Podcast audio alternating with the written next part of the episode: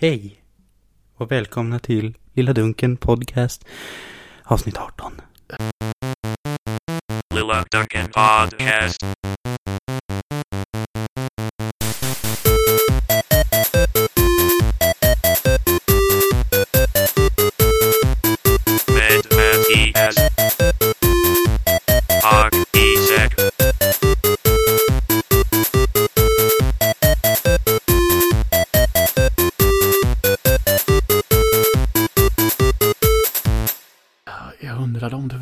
Spelade in där ett tag. Ja, det där, vi kanske borde bli bättre på hur vi startar podden, eller vad säger du? ja, det, jag har hört att det går ganska bra att öppna en kapsyl. Eller... Du menar typ så här? Eh, Nu tar det ju lite lång tid det här i och för sig så. Sådär ja. Hej och välkomna till Lilla Dunken avsnitt 18! Ja, Ja, eh, precis. Det har tagit ett Mm, tag för att eh, kunna få det här avsnittet att bli till. Det har Ja. varit en liten resa. det har varit struligt med jobb och framförallt sjukdom skulle jag nog säga är den stora boven i dramat. Eh, Ja, sjuk, precis sjukdom och eh, upptagenhet Ja, tror jag. Det har varit Eh, mycket nu. Ja, verkligen. Mm. Ehm, Men vad fan, hur är läget med dig? Eh, Idag är det ganska bra Mm. faktiskt. Som sagt, det har varit mycket ett tag nu. Mm. Eh, ja, vi håller ju på med ett skapande skola-projekt. För er Mm. som inte vet, Mm. ute i ett ställe som heter Klockartorpet. Där vi har eh, ja, hela deras mellanstadie. Vi har 120 elever. Ja, som vi har i film. Så tanken är att de ska lära sig att göra film. Och de ska följa resan från idé till färdig produkt.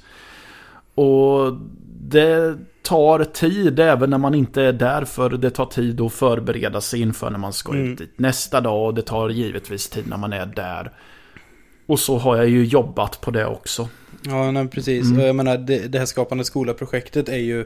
Vi fick ju ta över det från... För det var en annan filmare som skulle ha det från början. Eh, och så hade inte de tid. Och eh, bollade vidare till oss. Och vi sa, ja men det är klart vi tar det. För det är, liksom, det är både pengar och faktiskt ett filmjobb. Liksom. Eh, plus pedagogik. Så det är allting vi liksom tycker är kul. P- pengar, film och pedagogik. Jajamän. Ehm, och allt v- kändes bra. Och sen kommer vi ut dit och inser att vi har olika scheman. Liksom, att skolan har ett annat schema än vad vi har. Och, Ja. och vi har liksom...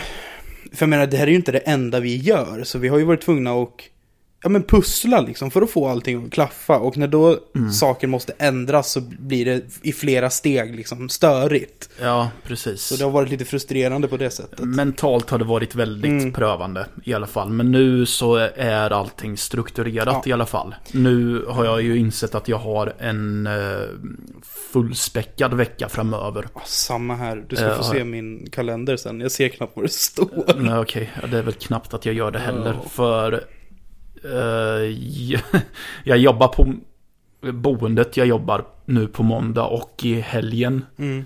Sen är det skapande skola alla dagar förutom torsdagen. Torsdagen är jag ledig och den tänker jag att den ska jag bevara.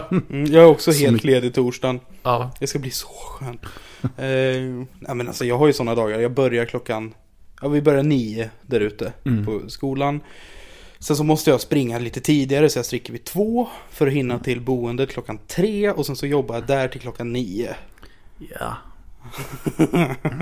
jag vet inte fan hur nyttigt det är egentligen. Men det... Nej, precis. Jag eh, ångrade ju en sak lite. Jag har ångrat den lite fram och tillbaka och så här i efterhand ångrar jag inte. Och det var i torsdags. Mm. Så fick jag ett telefonsamtal. Och de frågade om, och det var boendet som undrade om jag kunde jobba på, ja, igår. Mm. Och jag sa ja. Ja.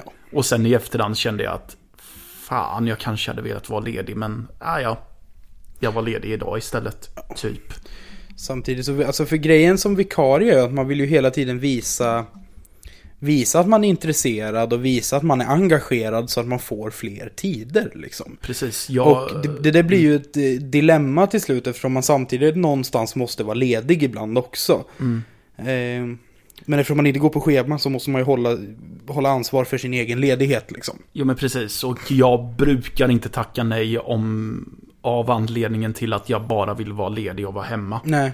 Brukar jag inte, utan tackar jag nej så är det för att, ja men Kontrast har ett möte eller jag är ute i Klockartorpet och jobbar. Ja. Och eftersom att det ligger 40, nästan 50 minuter utanför stan Det blir ett projekt att ta sig Så- dit liksom.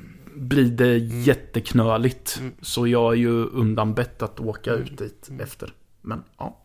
Men annars, är det bra annars? Ja, Ja. det är bra annars. Eh, just idag är det bra. Mm. Mm. Skönt. Ja, själv? Ja men det är bra. Ja. Jag har varit ledig i helgen nu så det har varit väldigt skönt.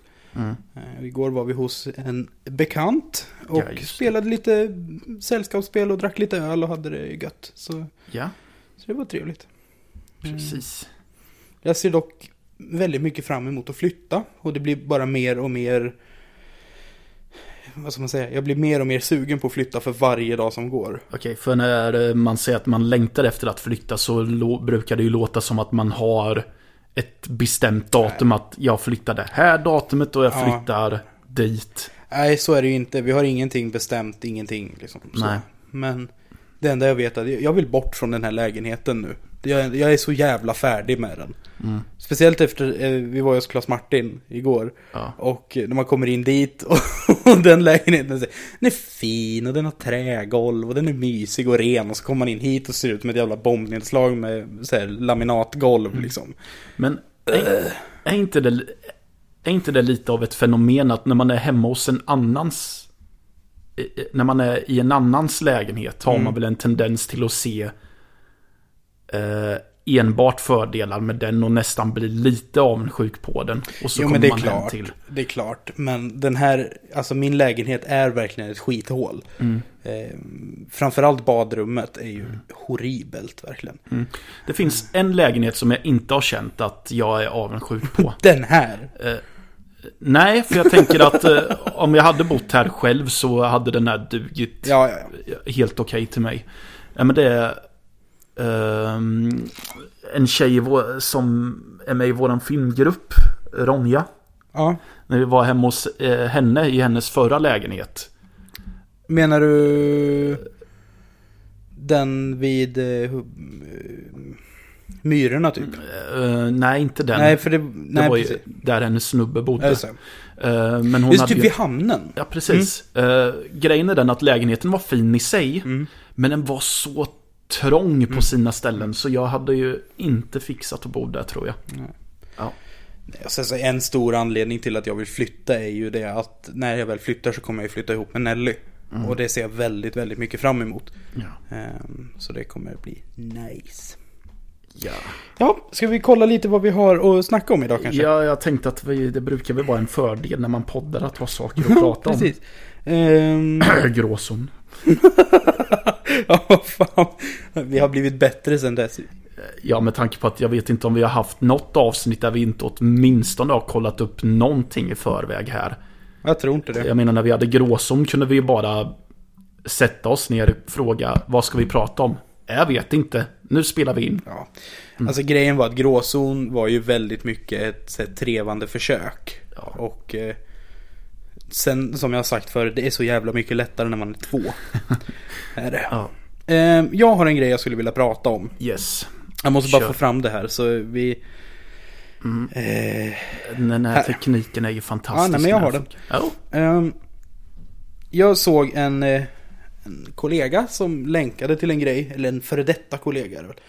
Ehm, och jag blev genast lite så här, eh, vad ska man säga? Illa till mods. Okej. Ehm, Det var en, en Facebook-status eh, av en snubbe som heter Conny Lindgren, eller Lundgren. Conny Lundgren. Ehm, Som är en medlem i eh, en gruppering, ska jag säga. eh, Som kallar sig för Soldiers of Odin. Alltså Odens soldater. Soldiers of Odin. Mm, Precis. Det låter som ett gammalt vikingarockband Ja. ungefär. Och eh, det här är då en, eh, han har skrivit om eh, deras, det, det, det här är en, en em, organisation som kommer från Finland från början.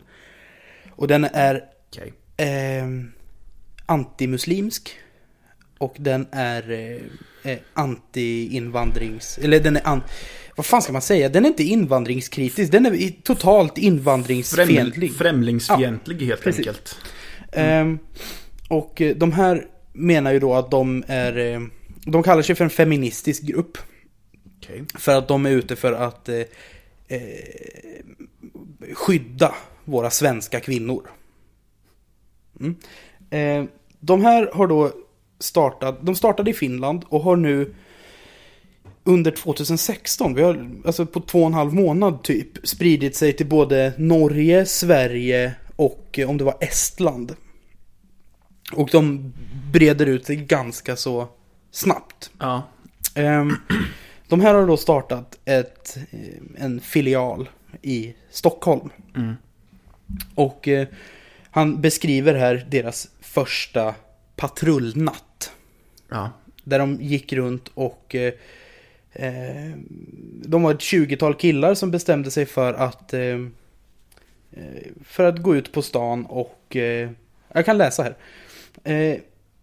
En liten historia om vad som hände ikväll. En historisk händelse då Soldiers of Odin Stockholm för första gången gjorde ett tappert försök att göra Stockholms gator säkrare. Vi, bar, vi var idag ett tjugotal killar som bestämde oss för att vandra lite på stan under namnet Soldiers of Odin Stockholm. Och ja, vi hinner ju i princip gå fem minuter så blir vi stoppade och förhörda av polisen. Inget konstigt med det. Vi går vidare och efter cirka tio minuter till så blir vi stoppade för andra gången. Börjar kännas lite dåligt, eh, börjar kännas lite löjligt. Dålig samverkan kanske. Vi fortsätter envist vidare men till slut möter vi en lika stor grupp av människor som av någon anledning känner sig hotade av oss. Eh, och som därför skriker glåpord som era jävla svennar, stick, det här är våran stad och så vidare. Vi står bara och tittar och applåderar lite åt deras friska hot och så vidare, men vi avvaktar, för vi är inte några som startar något. Det är en av våra regler, och då dessa individer står på samma ställe utan att angripa oss eller andra så fortsätter vi vidare. Och nu hinner vi gå 50 meter, sen på Drottninggatan kommer det fyra piketbussar. Eh, och en eller två vanliga polisbilar och kör in framför oss med blåljus och så vidare och så vidare. Hoppar ut och säger åt oss att ställa oss mot väggen och muddrar oss, tar lägg. Jag ställer mig nyfiket och tittar bort mot gänget som skrek, hota och så vidare. Och nej, jag blir inte minsta förvånad att inte en enda polis fanns där och stannade dem. Som svensk så ska man bara hålla käften och sitta hemma och titta på mello medan tjejer blir antastade och pensionärer blir rånade. Annars är du rasist och så vidare. Eller så blir du behandlad som brottsling. Om vi blev avskräckta? Knappast. Nästa helg är vi ännu flera och förfrågningarna ramlar in. Börjar svensken och våra skötsamma invandrare vakna lite smått tro? Dagens Sverige. Bekymrad men ändå hoppfull. Varför? Jo, vi växer och kommentarerna hittills är 99,99% positiva. Vi kommer att finnas där ute för eran skull. Jag tycker det här är jävligt obehagligt. Eh, Ja. För det är alltså ett främlingsfientligt gäng som grupperar sig och tar lagen i egna händer. Ja, och jag är emot människor som tar eh, lagen i egna händer. vem det än är. Ja, jag skiter i om man är svart, vit eller Mm. vad som helst. Nej. Och jag tycker det är så... Åh, jag vet inte, jag, jag tycker det är läskigt, men jag vet inte fan, vad ska man göra åt det? Kan, kan man som... Som vanlig människa, liksom, du och jag, göra någonting för att... Så jag vet, jag vet faktiskt inte. För problemet är ju att om jag vill... eh, För jag vet inte om eh, kollegan här la ut och var positiv till Hon delade inlägget och hade gillat det. Okej. Eh, för jag känner att om jag skulle dela samma inlägg och visa på att jag är kritisk emot det. Jag känner att det finns ju också en risk när jag delar det här. Att folk eh, läser in sig och blir känner att de blir positivt inställda till Ja men precis. Sons of Soldiers of Odin. Precis. Ehm, sen blir jag automatiskt lite nyfiken vad de faktiskt egentligen pysslade med när de gick på gatan. För han får det ju låta som att de bara gick. Och så kommer poliserna och stoppar dem. Grejen är att de, de är ju i uniform. Ah, Okej. De har en bomberjacka med Soldiers of Odin på ryggen och de har... Här ser det ut som att de har mössor också med loggan på. Ehm, Jag som Och- polis skulle nog också be, börja Ja. stanna och fråga dem också. Eh, Precis. på det, och på det sättet tycker jag väl att det är bra tekniskt sett. Att polisen verkar ha koll på Ja. dem. Och eh, håller dem under uppsikt, vilket jag tycker att de fortfarande ska ha. Mm. Sen finns det ju en annan konflikt i om de fortsätter att ha dem under lupp. mm, Det är att de kan få sympati mm. medlemmar som tycker att de blir orättvist behandlade eller något sånt. Jag menar, om man kollar på den, eh, den jag var inne och kollade finska Facebook-sidan för de här Soldiers of Odin. Och för det är där det startade. De har, om det var typ 40 000 gilla-markeringar liksom. Så det är en ganska stor grej. Och om det här börjar sprida sig, om det blir liksom fler och fler som går med, vad fan kommer hända då? Och de använder alltså, termer som att, eh, att eh, kriget kommer eh, utspela sig på gatan och bladi bladi bladi bla. Och alltså det, det är ganska så här eh, hårda ord hela tiden. Och det känns som att de... Eh, även om de här kanske inte var ute och slogs, Nej. så känns det som att det, det ligger latent. Det känns... De sk- han skriver ju att de inte startar någonting. Nej, precis. Att de medvetet inte går fram och slår en eh, med, som ser ut att ha utländskt på- påbrå på käften. Verkar det ju inte som. Mm. Eh, Men däremot verkar det ju som att de är ju ute efter att någonting ska starta. Ja, men precis. Eftersom att det känns som att hela anledningen till att de tågar igenom Stockholm i full mundering är för att de vill att... ehm, Ja, alltså ba, bara att sätta på sig en sån jacka och gå ut i gäng är ju ett sätt att provocera. ja, och de, Och, Så de vill ju provocera fram att polisen stannar dem. Tänker Mm. jag. Och de vill att eh, en... Att ett gäng... Ja, jag säger det. Ett gäng invandrarkillar ska komma fram och kalla dem för jävla svennar. Och att de sen försöker provoka dem till att faktiskt gå till attack. Just för att kanske skriva, för då hade det ju inlägget eh, snar, förmodligen snarare låtit att de vart provocerat att anfallna av dem istället. Just för att vi... Eh, nej, jag vill inte belanda mig med den massan att...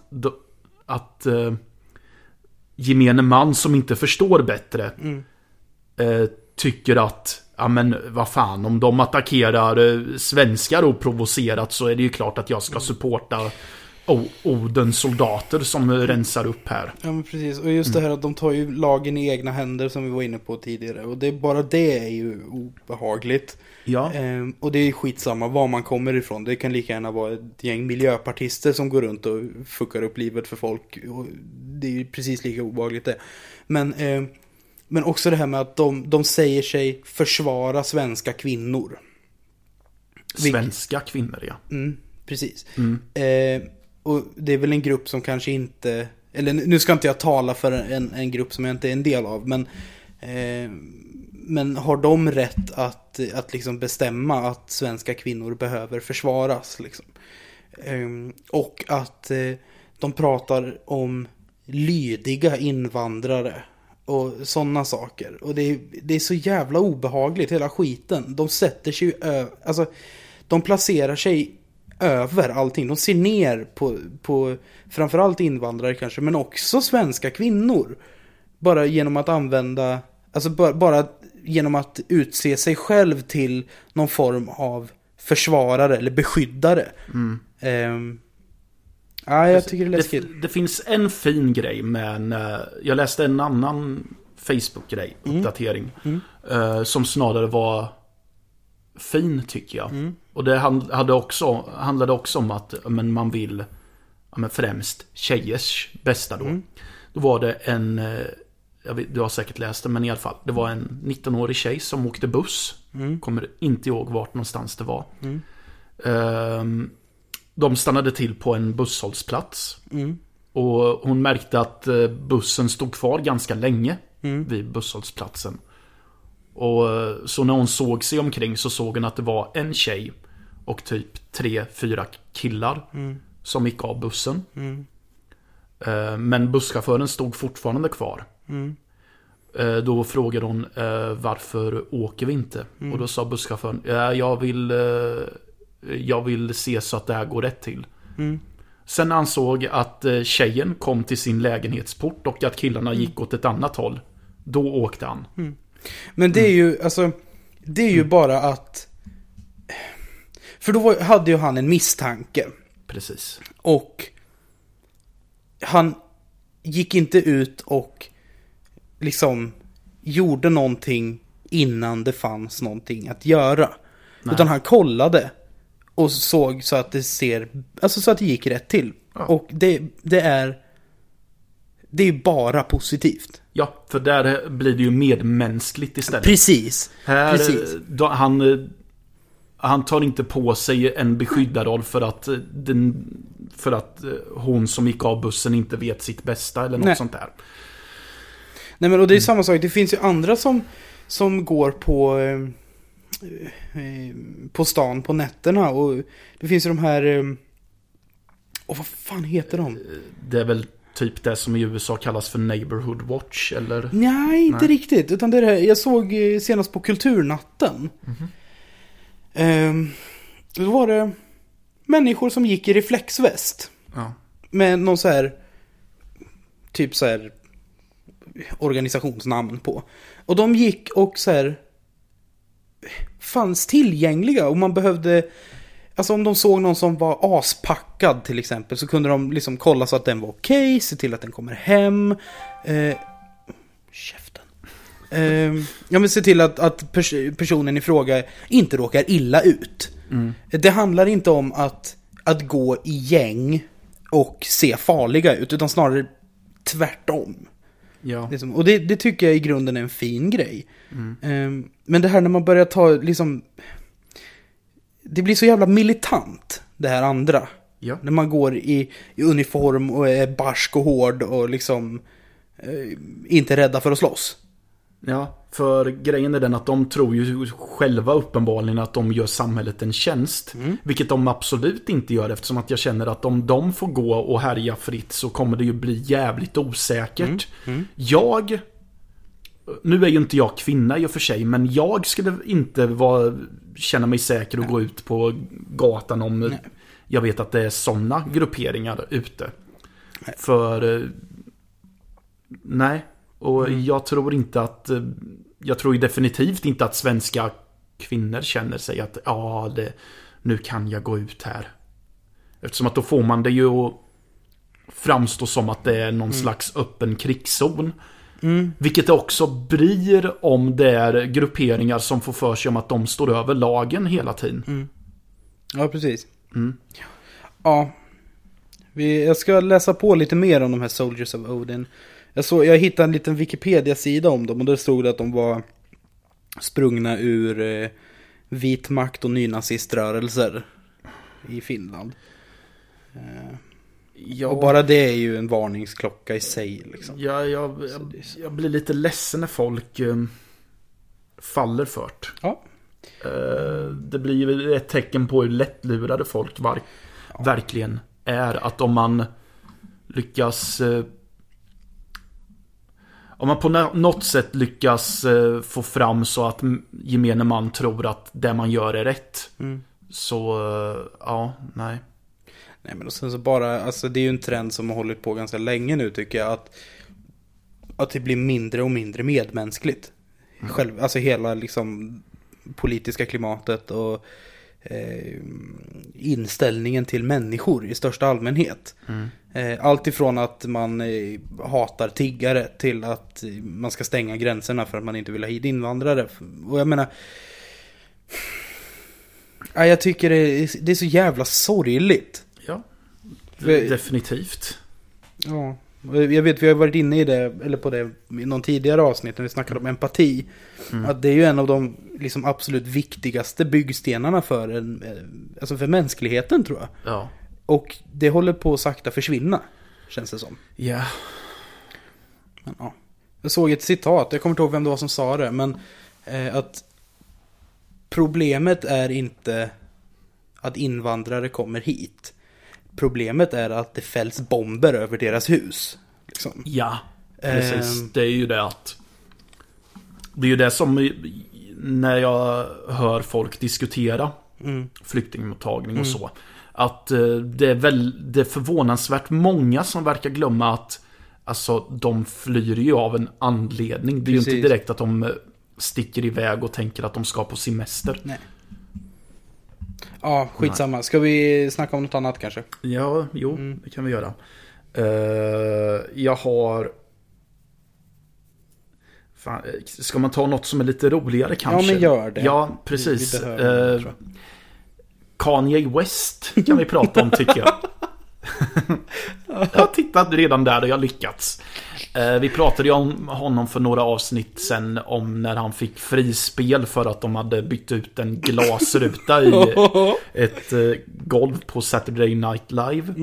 Ja.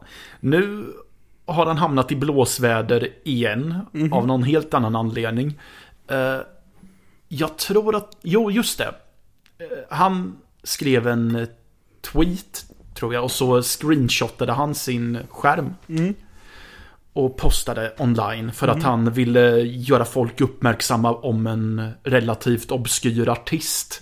Och säga att ah, kolla in den här snubben, han är asgrym. Vad, han in, vad han dock glömde var att eftersom att han tog en screenshot så ser man ju hans webbläsare, man ser alla flikar han har uppe. En DJ tror jag att han är, Dead Mouse. Ja. Noterade att i en av flikarna så hade Kanye West en Pirate Bay-sökning på ett musikvaruprogram. Alltså det här är så jävla roligt. Det, det var... Ja. Så istället så fokus skiftade från att Kanye West tänkte att han skulle eh, promota en artist till att Dead Mouse fick fram att Kanye West som har jättemycket pengar inte kan tänka sig att betala för ett i hans värld relativt billigt. Ja, alltså det, det var program. några hundra dollar typ. Ja, precis. alltså det är så jävla roligt. Ja. Och, och sen har det blivit världens bråk på Facebook, eller på, på Twitter mellan Deadmau5 och eh, Kanye West. Och de så här, skickar spydiga kommentarer till varandra. Och Det är så jävla roligt. Det var mer än vad jag visste. Ja, jag gick ju in, jag skapade ju ett, ett Twitter-konto bara för att kunna följa Deadmau5. Ja. Och han är, alltså han är så jävla otrevlig mot folk ibland. Ja. Men det är alltid så jävla kul. Och Han, han typ såhär bashar folk för saker hela tiden. Okej. Och andra kändisar och allt möjligt. Så det, ja. Jag vet knappt vem Dead Mouse är. Jag tror att han har... Det är väl han som har på sig någon metallmus. ja han, han har en stor mu, ett mushuvud typ. Ja. Eh, Han gör väl, jag vet inte vad det är för typ, dubstep eller något. I don't Mm, know. okej. Det är inte, jag är inte så jävla inne i Inte jag heller. Men, eh, ja men och apropå eh, Kanye, han har varit i Sverige nu också. Jaså? Ja, på Ikea. Wow. Eh, Kommer inte ihåg vart det var, men eh, vänta, vi kan ju googla upp det lite snabbt. Men det Ja. var, tydligen så handlar det om något eh, designsamarbete mellan Ikea och Kanye West. Okej, han Vilket jag tycker känns jättekonstigt. Ska, vad- vadå, ska han designa möbler nu eller? Jag vet inte. Eh, Göteborgs-Posten skriver, han var på eh, Ikea i Älmhult. Eh, Okej. Ja, Elmhult måste väl ha en orsak till att skriva så. Ja men precis. Eh, så han, Kanye har skrivit lite tweets, typ uppe sent och designar i Sverige. Eh, och sen skrev han superinspirerad av mitt besök på Ikea idag. Det är en ordkombination jag aldrig trodde att jag skulle höra. eh, och eh, en, en hypotes är tydligen att det rör sig om så här, textilmönster. okej. Eh, men ja, Jag associerar ofta Ikea med ont i fötterna. Eller ont i mina fotsulor. För att det är så jävla stort och man måste gå på ett platt golv. Ja, det var så jag associerade Ikea med Ikea när jag var liten. Ja. Så tänkte jag för mig själv jämt när jag sa att vi gick mot Ikea så tänkte jag Åh nej, vi kommer gå i ont i fötter affären. Men jag menar om, om Kanye Om Kanye West eh, designar åt Ikea Jag menar, han har ju släppt en t-shirt. Okej. Den är vit. Det är en vit t-shirt och den kostar typ så här 400 spänn. Men är det typ att det är en logga på lappen i nacken? Jag skulle tro det. eller? Men För helvete. Men eh, John Oliver tog ju upp det i Last Week Tonight. Ja. Att, eh, att han tog hur jävla mycket pengar som helst för en, vanlig vit jävla t-shirt liksom. Men, ja, men det är lite det jag har emot eh, bandöl om man säger så. Ja, Just för att ölen är inte särskilt speciell nej. alls, någonsin egentligen. Men de kostar ändå runt 25-26 spänn. Men det är ju bara för att det står Motorhead, Kiss, Ja. Slayer eller Iron Maiden på. Eh, nu när vi är halvvägs i programmet. Ja. Vill du köra en topp 5? Jag kan köra en topp 5. för ett tag sedan så hade jag ju en... eh, Det var nog ganska tidigt tror jag. Så hade jag en topp 5-lista över peka-klicka-spel. Eh, nu har jag suttit och spelat lite spel. Så nu kommer en ny... Nej, det gör det inte alls. Det kommer en topp 5-lista som är de topp 5 mest frustrerande... Ja, vad ska man säga? Frustrerande sakerna med peka-klicka-spel. Alltså kul. vad som... eh, Fem grejer som eh, på riktigt kan sabba upplevelsen lite. All right, ja. Ja. ja. Sen kan jag ju och, Sen kan jag avsluta med att säga Ge ett Avslutande exempel eller något sånt Mm. Ja Yes. eh, Nummer fem är, ja, Kommer eh, Billiga anledningar till att man inte kan komma ut eller komma vidare Det vill säga att ehm, eh, En av anledningarna brukar vara att eh, En dörr är låst. Ja. Eh, vilket, ja men Det är inte konstigt i tv-spel att dörrar är låsta Men det blir så frustrerande att så fort man kommer till en dörr Så kan den inte vara öppen utan den måste ju givetvis vara låst. Det är väldigt frustrerande om man kommer till en dörr som dels är har en massa bräder förspikade. Du hämtar en hammare, rycker loss alla bräder. För att sen bara få reda på att dörren är låst i alla fall. Eller att du kan inte komma igenom en fallucka för att det är en tunna som står på den. Tunnan är sprängfylld med olja så den går inte ens att putta bort. Ja. Eh, Du går in i ett rum. eh, Just det, samma rum som du var tvungen att låsa upp dörren som var förberedad först. När du kommer in i det kontoret. Så stängs dörren igen. Karaktären rycker i dörren och säger att äh, den, den låste igen sig och nyckeln sitter kvar på andra sidan av dörren. Ja, shucks. Ja. Ja, Yes. Så det hamnar på plats nummer fem. Plats nummer fyra är nyetablerade element som används för inkonsekvent. Det vill säga att man är van vid att man klickar sig omkring. För att det heter peka och klicka. En del har också att du trycker på höger musknapp för att ändra symbolen på pekan. För att på så sätt välja om du vill prata, ta eller... Ja. Eh, och det... De brukar vara ganska bra på det här. Men sen finns det... Och då tänker jag framförallt på ett exempel. Vissa kör med att du ska högerklicka för att titta på saker. Eh, vissa spel får för sig om att högerklick är att du ska titta närmare. Men de är inte konsekventa med det. Nej. Så på det sättet så glömmer man bort att det ens går att klicka på höger musknapp. Eller att göra det andra som är nyetablerat för det här. För att vanligtvis händer ingenting. Nej. Så man, man fastnar. Undrar var fan man ska ta vägen. Man går in på en walkthrough och då vet man att spelet har misslyckats. Och sen ser man att, jaha, okej, jag ska trycka på höger musknapp givet jävla vis. Ja.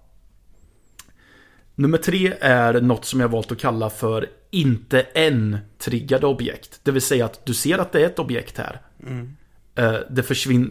Eh, det försvinner inte ur din uppmärksamhet för att du vet att du måste kunna göra någonting med det här längre fram. Eller ännu hellre, du ser att det här bör jag kunna plocka upp. Men jag kan inte det. För att jag måste göra en annan sak först. Och när det blir så uppenbart hur saker och ting hänger ihop Ja. så blir det fruktansvärt frustrerande tycker jag. Eh, nummer två är gissningslekspussel. Eh, du ska lösa ett pussel, typ flytta stenar från ena sidan till den andra, till exempel. Eh, men att det är pussel där du inte får en förklaring till hur det kan häng- hänga ihop. Eller om du är på väg åt rätt håll. Exempel, du ska dra i fyra spakar. De ska vara i en viss kombination, typ att en ska vara högst upp, en ska vara i mitten, en ska vara längst ner. Och en ska vara... Ja okej, så vi säger att det var bara tre spakar. Mm. Och sen ska du vrida på en on-off-knapp för att se om ljuset går igång eller inte. Men det finns ingen, ingenting som förklarar för dig om du är på rätt väg eller inte. Alltså man famlar i blindo hela Så du, fall, du famlar i blindo och får testa olika kom, kombinationer bara. Mm. Och nej, Ja. det gillar jag inte. Och sen på plats nummer ett är Dead Ends, eller rättare sagt återvändsgränder. Det vill säga att du kommer till ett parti i spelet. Det var mycket vanligare förr, men det ligger kvar med vissa eh, speltitlar. Det är att du kommer till ett tillfälle att har du gjort en liten grej fel tidigare i spelet så kan du inte komma vidare. Nej. Exempel är till exempel ett exempel som jag haft i huvudet till varenda grej av det här är ett spel som heter Black Mirror.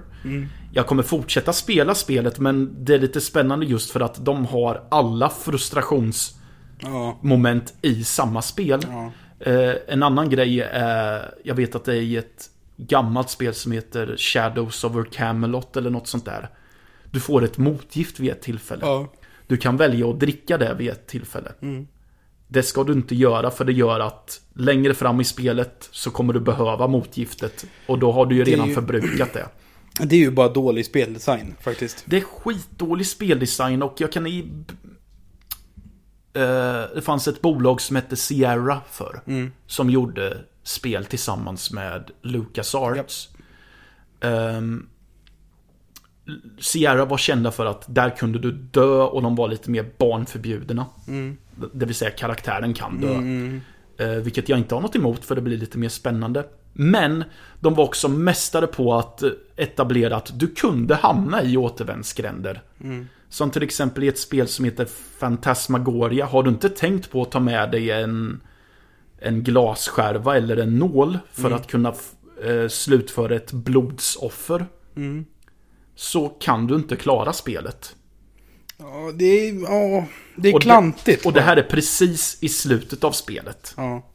Fy fan, ja, jag hade det? blivit galen. Ja, ja. Jag vet inte hur många gånger jag har blivit förbannad när jag insett att nej, på grund av, det där, av den missen så kan jag inte fortsätta utan jag måste börja om igen. Och jag, man blir automatiskt ännu mer frustrerad när man tänker att det finns en speldesigner som eh, med flit har lagt in ett moment som gör att vid det här tillfället måste spelaren börja om från början. Hade blivit rasande. Ja. Jag menar, och jag, jag tycker att det är störigt bara med så osynliga väggar. Till exempel i, i spel där du, Jag kan störa mig på det med. alltså man springer runt och så, så helt plötsligt, alltså det ser ut som att man ska kunna gå. Och sen så bara stannar karaktären för att det är liksom osynlig vägg. Världen tar slut där liksom. Ja, Anyway, bra lista. ja tack. Eh, det gjorde att jag ännu mindre vill spela peka-klicka-spel. Okej. Ehm, kommer du ihåg för, var det förra eller förra, förra avsnittet vi snackade om LUF? Uh, förra, förra, men vi hade någon uppföljning förra veckan. Precis. Eller sist vi spelade in rättare sagt. Jag har ytterligare en uppföljning. Oh, spännande. Mm, det här är då, in, det är inte LUF Stockholm den här gången. Har de blivit påkomna i jakten? Nej. Fan också. Ehm, det här är LUF Väst. Så det är väl eh, Jaha du. västra Sveriges LUF. Så det är inte Stockholm Nej. den här gången. Eh, De vill eh, införa någonting som kallas för juridiska aborter för män. Mm. Eh, Jag tror att jag såg det snabbt i flödet men eh, läste inte vidare. Ja. Ehm, Liberala ungdomsförbundet i väst, jag läser det här från Expressen. Eh, Liberala ungdomsförbundet väst har klubbat igenom ett förslag som ska ge män möjlighet att avsäga sig sitt faderskap. Va? Processen kallas juridisk abort och innebär att män fram till den 18 veckan ska kunna avsäga sig sin juridiska roll som far till ett barn. Men vad fan? Nej! Motionen lämnades in eh, lämnades under förbundets årsmöte som hölls förra helgen. Den klubbades då sedan igenom av förbundet. Det byggde på att man höll med om att det saknas en diskussion kring det här. Och jag tror att väldigt många känner, eh, och det tror jag att väldigt många känner, säger Marcus Nielsen. Ehm, ja, vad tänker du? Min första tanke var Nej, alltså du har Du har befruktat en tjej, så ta ditt ansvar. Men samtidigt kan jag ju förstå att, eh, för, att, att om tjejen inte vill behålla barnet så kan hon ju begå en abort så att inte fostret kommer till alls.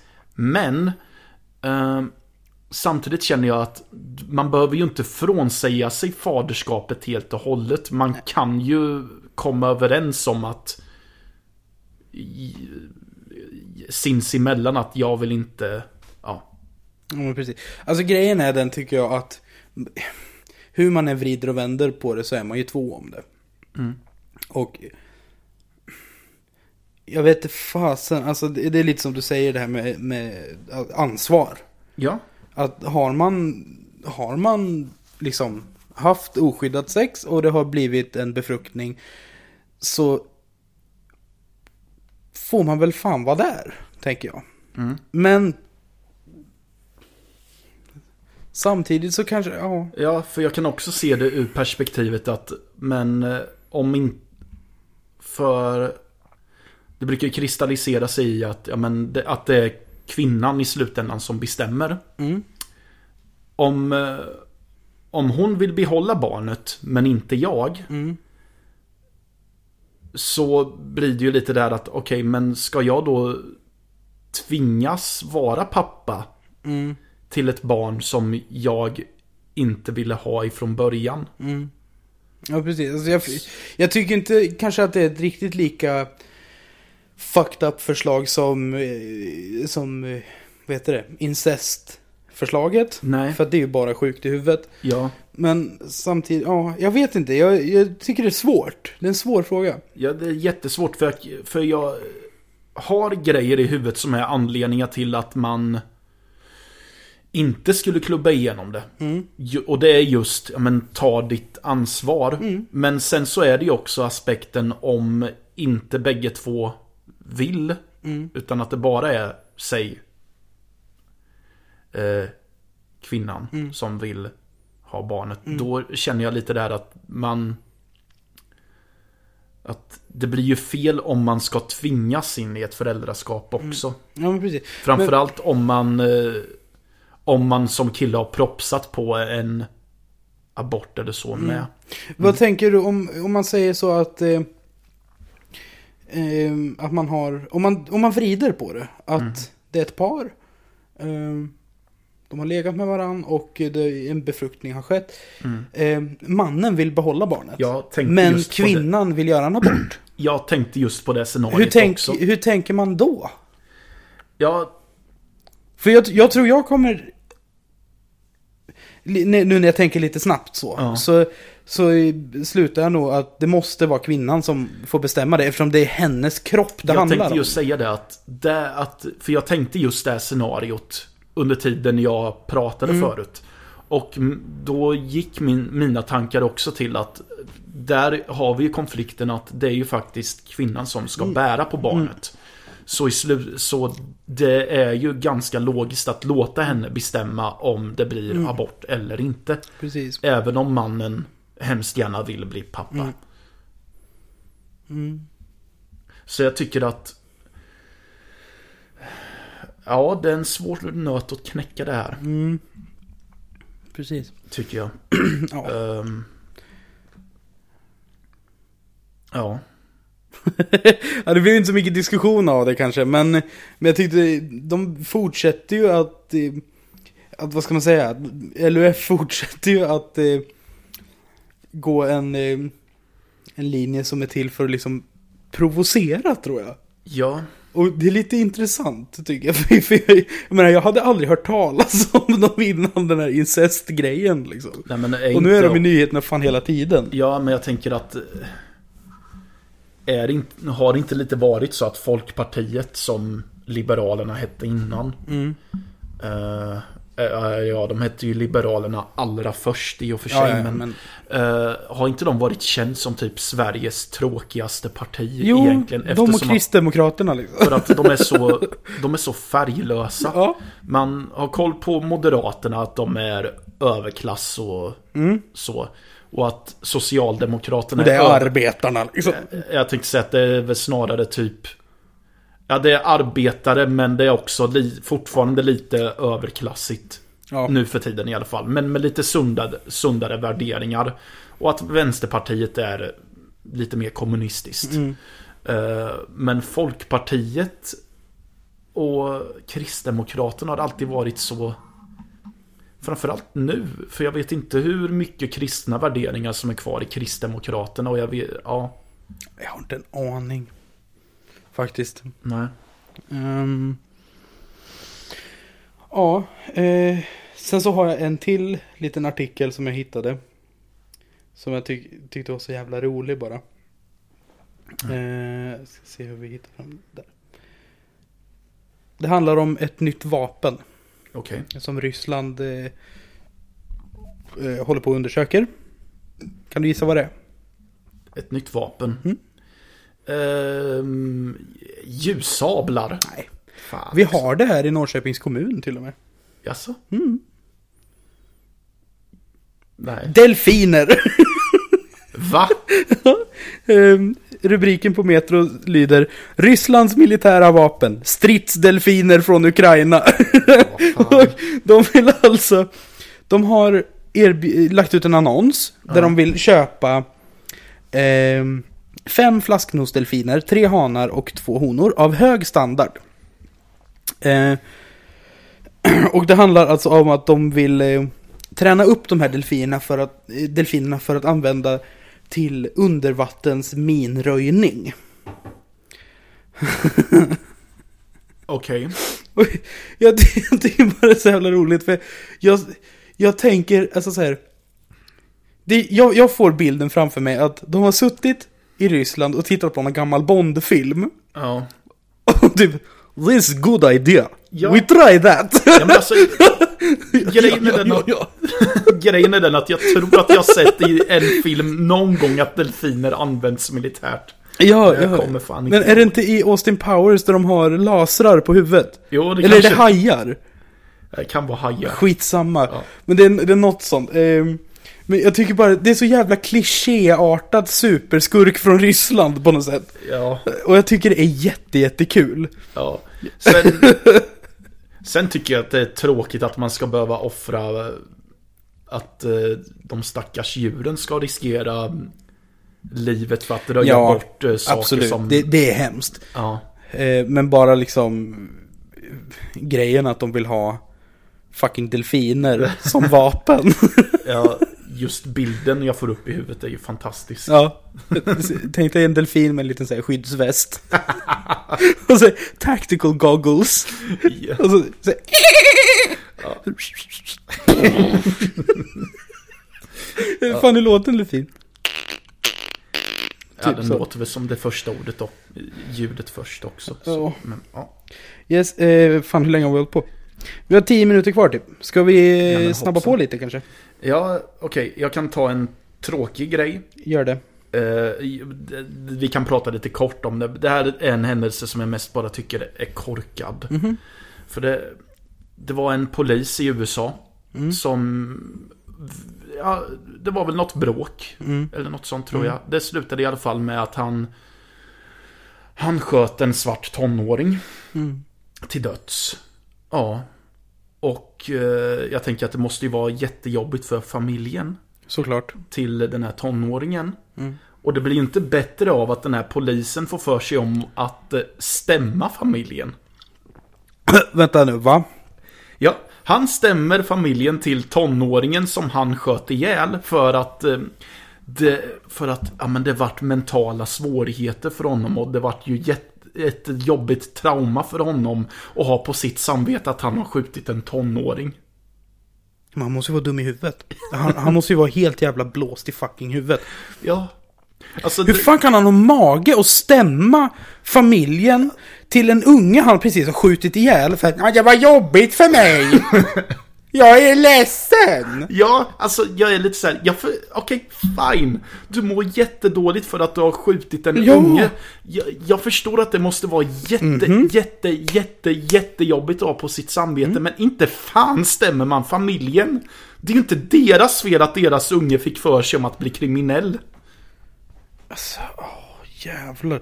Jag hoppas verkligen inte han vinner det här. Jag hoppas inte Det kan han ju för fan inte göra. Det känns lite för otroligt och... eh, Fast å andra sidan, om familjerna stämmer inte har pengarna till att anlita en bra advokat och polisen har det så kan det ju bli skitjobbigt för familjen. Ja. Nej, jag... Jag hade tänkt att ta upp den här sist, men jag gjorde inte det av någon anledning för att jag glömde bort det. Men, eh, ja. Fy fan vad illa. Ja, jag tycker att det är jätte, jätte illa. Just på grund av att eh, det låter så dumt.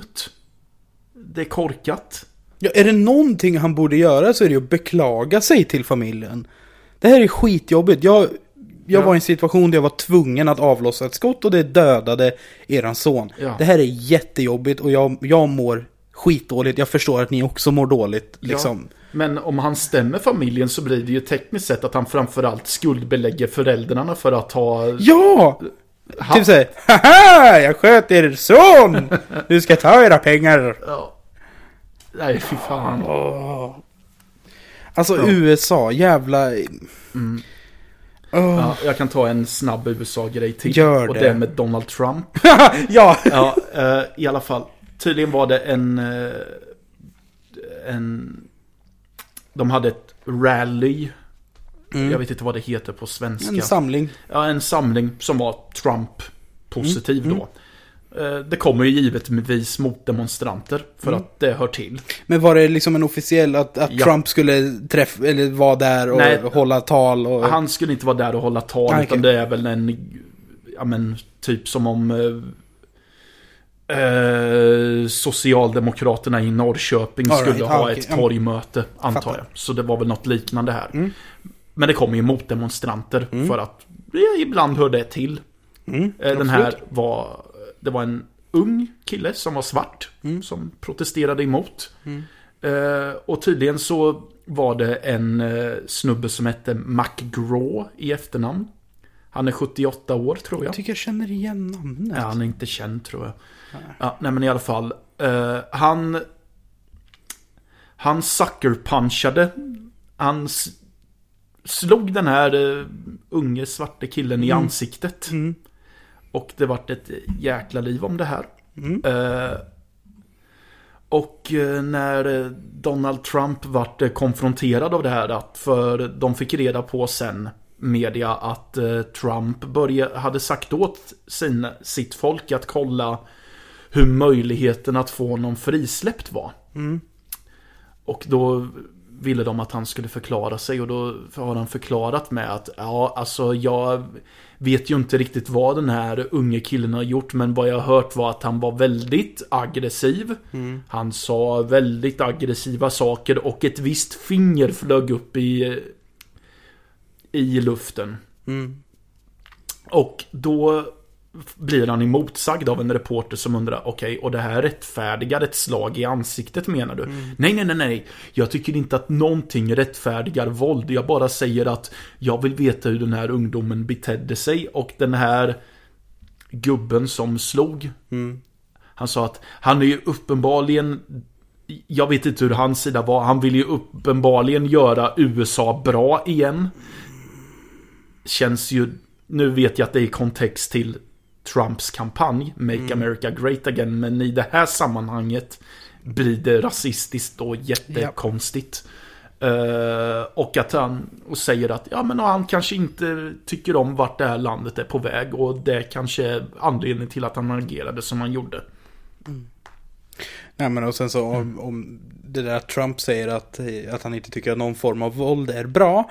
Är, är ju jävligt lätt att bara eh, påpeka hur mycket han ljuger med tanke på, han gjorde ju någon intervju i någon, eh, inte telefonintervju i någon morgonprogram på tv. När han pratade om att enda sättet att bekämpa terror är att mörda terroristernas familjer. Ja, precis. Alltså hans... Ja. Alltså så, jag menar, han är ju... Ja, fy fan. Ja, det- det där, så- Apropå obehagligt. Ja, Där har vi ju en till jävel som är obehaglig. Ja, eh, det är jätteobehagligt av många anledningar. För dels är det att han tar ju alltid ett steg närmare till att uttala sig att nej men jag är för rasvåld. Ja. Till exempel. En annan grej som är obehaglig och det är ju lite där att okej, allas favorit inför valet som är rätt funtade i huvudet i alla fall är ju Bernie Sanders. Problemet är bara att eh, han skulle gå emot många finans... Hans politik skulle gå emot många finanspampar Japp. i USA. För att vad Bernie Sanders vill är ju att han vill höja skatten för de som har eh, mer pengar än vad de kanske egentligen behöver. Han fick ett oväntat stöd av en Wall Street-snubbe. Som filmerna Wall Street och Wall Street Money Never Sleeps är baserad på. Eh, han, s- han sa att han ställde sig bakom Trump. För att han sa att i, i slutändan är det bra Ja. att han satsar på dem mindre. Men eh, eh, grejen är den att det är så djupt rotat i systemet i USA. Mycket av det här. Som gör att de kanske inte kom, att det är det som kommer hindra Sanders från att vinna eventuellt. Vil, vilka kommer det stå mellan, tror du? Kommer det bli Sanders och eh, Trump eller Clinton och Trump? Svårt. Jag eh, hoppas jag hoppas på att det är Sanders och Trump. Mm, jag och jag hoppas att eh, det blir som jag vill. Det vill säga att eh, Bernie Sanders sopar mattan fullständigt med Trump. Jag hoppas det. Eh, För Bernie Sanders verkar ju på riktigt vara jävligt klok. ja, Alltså en, en, en bra funtad människa. precis. Alltså Bernie Sanders är den... Grejen är den att om USA tar sitt förnuft till fånga så inser de att det är Bernie Sanders som behöver. För Bernie Sanders vill eh,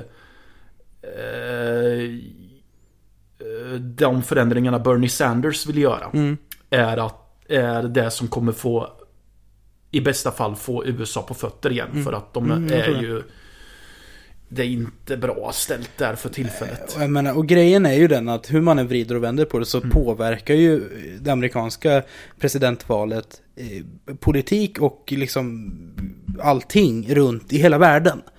Alltså jag menar, och om Trump vinner, det kan bli kaos alltså. Ja, det finns ju en meme som rör sig. Mm. Där de går igenom alla presidentkandidater.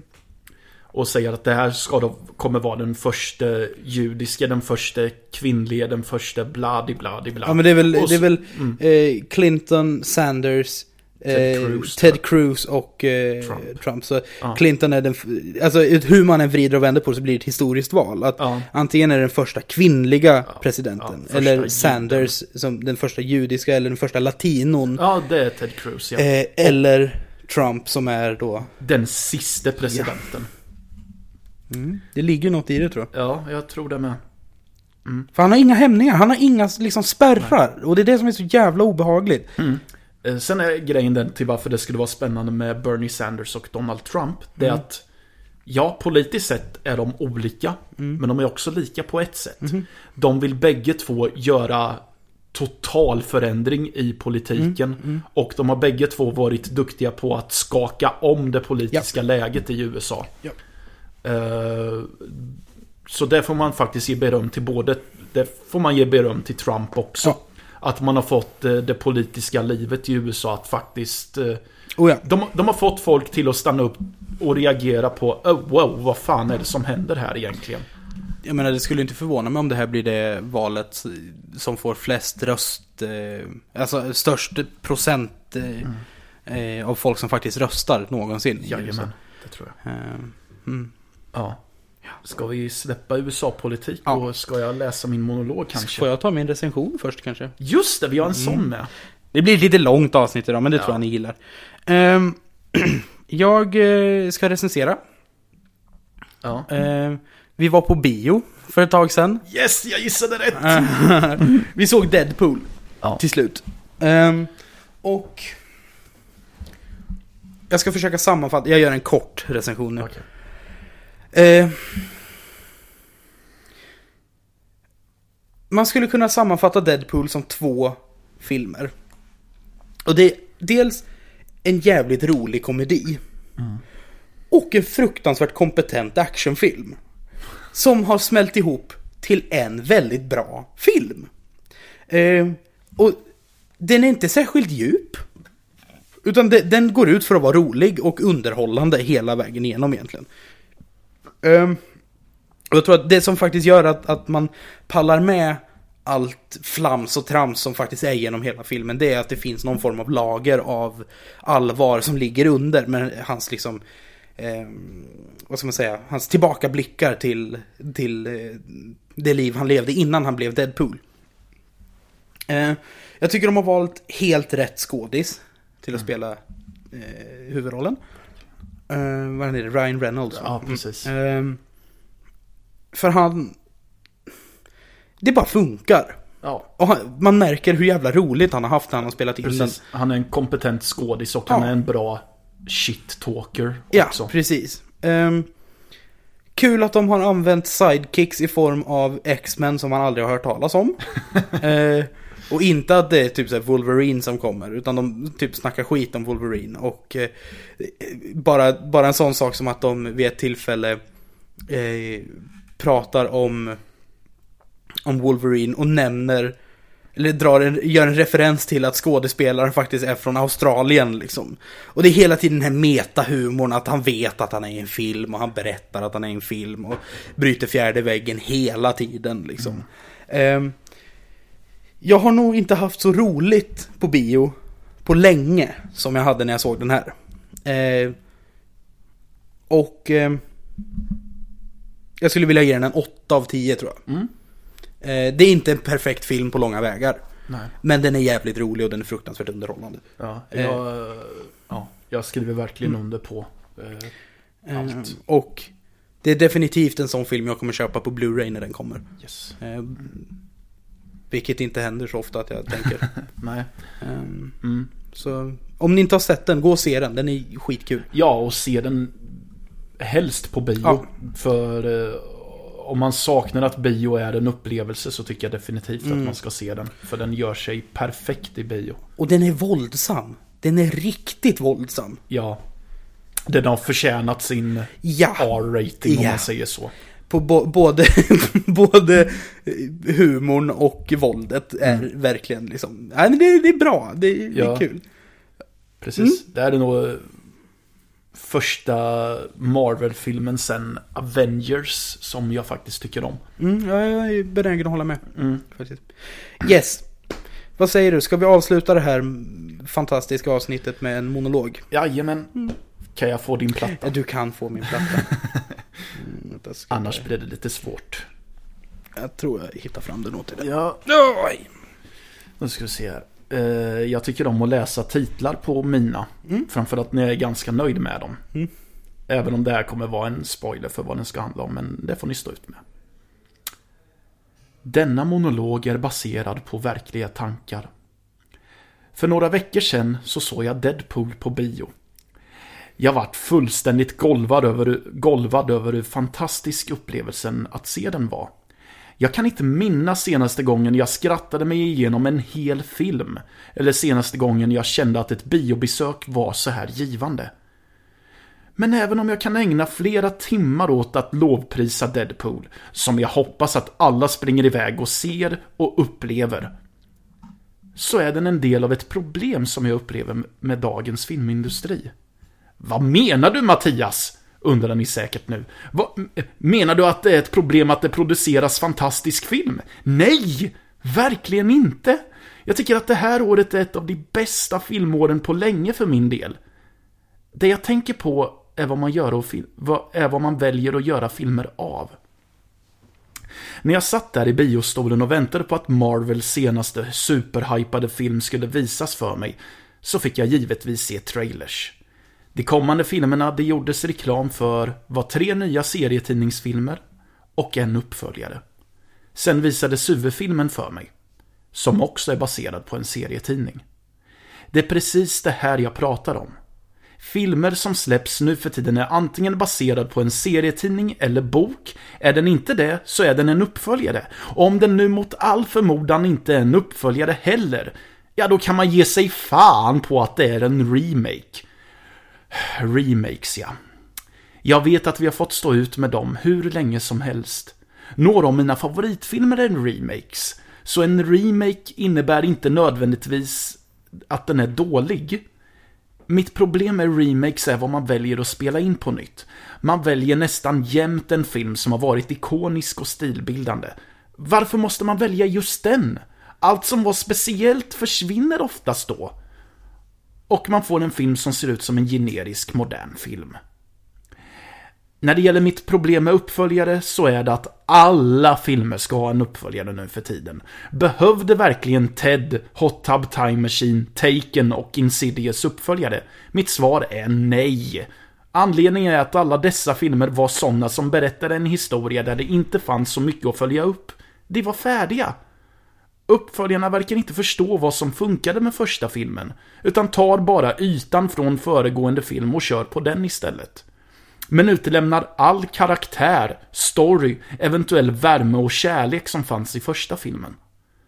Men den värsta typen av uppföljare är det som släpps 10-30 år efter sin föregångare.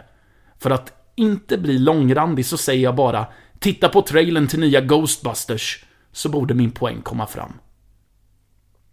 Det jag vill säga med allt det här, eller rättare sagt frågan jag vill ställa är kan vi verkligen inte skriva nya historier? Varför måste alla filmer vara baserade på någonting? Är man rädd för att en film inte ska kunna stå på sina egna ben? Eller är industrin fylld av människor som bara vill visa sin nördiga kärlek till ditt och datt? Jag förväntar mig inte att få svar på detta nu. Men det här som ni har tagit del av nu är tankar som jag ständigt ventilerar. Både i mitt huvud samtal med vänner och, framta och framför spegeln med mig själv. Kom igen filmvärld!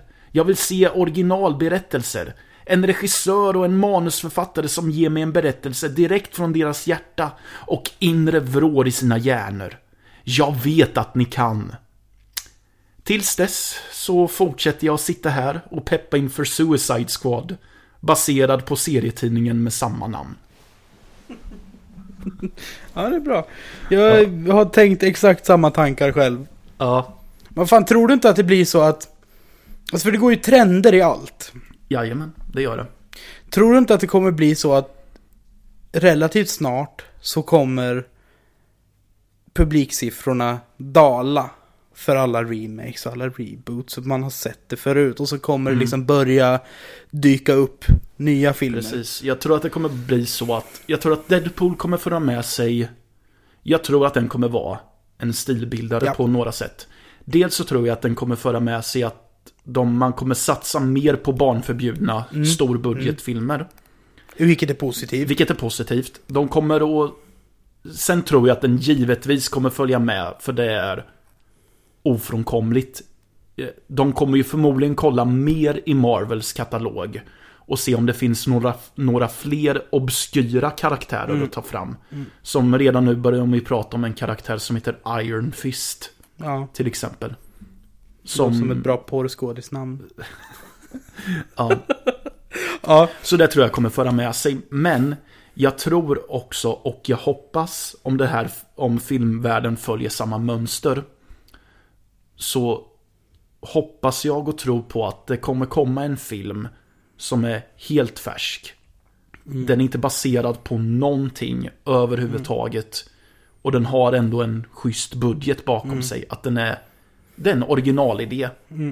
som är Och- backad av en stor studio. Ja, precis. Eh, För det är ju det som är nu, att eh, indiefilmer är ju, är ju där, vad, vad ska man säga, det, man måste ju gå till indiefilmerna för att få eh, intressanta, nyskapande historier. Precis. Ehm, och då har man ju problemet med budget istället. Ja. Att de är gjorda på, i mycket mindre skala. Och det är inte nödvändigtvis en negativ grej. Nej. Men det hade varit kul att se en riktig så här, blockbuster-film som är ny. Precis. Mm. Mm. Och som sagt, jag har tänkt på det innan och jag kommer ju förresten på ett annat positivt, en pos, annan positiv grej jag kunde säga för att säga emot uppföljare som kommer 10-20 år senare. Det är ju att jag gillade ju faktiskt The Force Awakens. Mm. Till exempel, och den är ju i allra högsta grad en uppföljare till en film som kom för Oh, ja. 30 år sedan. mm. Om inte ännu mer. Jag kommer inte ihåg när Jedi kom. Eh, Jedi kom 70... Eller menar du... i- Ja, just det, Episod 6. Ja, den kom väl Ja. 83 eller något va? Ja, Något sånt. så det är typ 33 år sedan Ja, ungefär. Mm. Sen så har ju den i och för sig haft en prequel-trilogi emellan, men den behöver vi inte prata om. En, det var därför jag... Och The Force Awakens är ju dessutom Ja. inte en uppföljare Nej. till... Ja. Åh, trilogi. jag vill se den igen. Jag är så jävla sugen på att se Force Awakens igen. Så så fort den kommer på Blu-ray så kommer jag köpa den och så kommer jag titta på den. På hög volym. Mm. Och sen så kommer jag köpa Deadpool och titta på den. På hög volym. Ja. Nej, vad säger du? Ska vi runda av? Ja, det är lika bra. Eh, Trevligt. Tycker jag med. Jag ska testa ett nytt klippprogram idag. Ooh. Men det kan vi prata om nästa vecka, hur, se, precis. hur det gick. Eh, Tack och hej. Gilla oss på Facebook. Ja, jag tänkte säga, nu glömde du allt det där. Ja, ja. eh, Följ oss på Soundcloud. Prenumerera där ni prenumererar på poddar. Mm. Och... Eh, slå in... Vad heter det? Podcasters.se Podcasters.se. Där Ja. finns det ett gäng eh, svenska poddar. mm. Ehm, det är ett litet community som håller på att starta nu. Där man kan eh, hitta och lyssna Precis. på svenska podcasts. Ja, så titta in där om ni gillar poddar så Ja. kan ni nog hitta flera svenska Mm. poddar som liknar Absolut. våran eller som är helt annorlunda. Precis. Mm. Tack och hej leverpastej.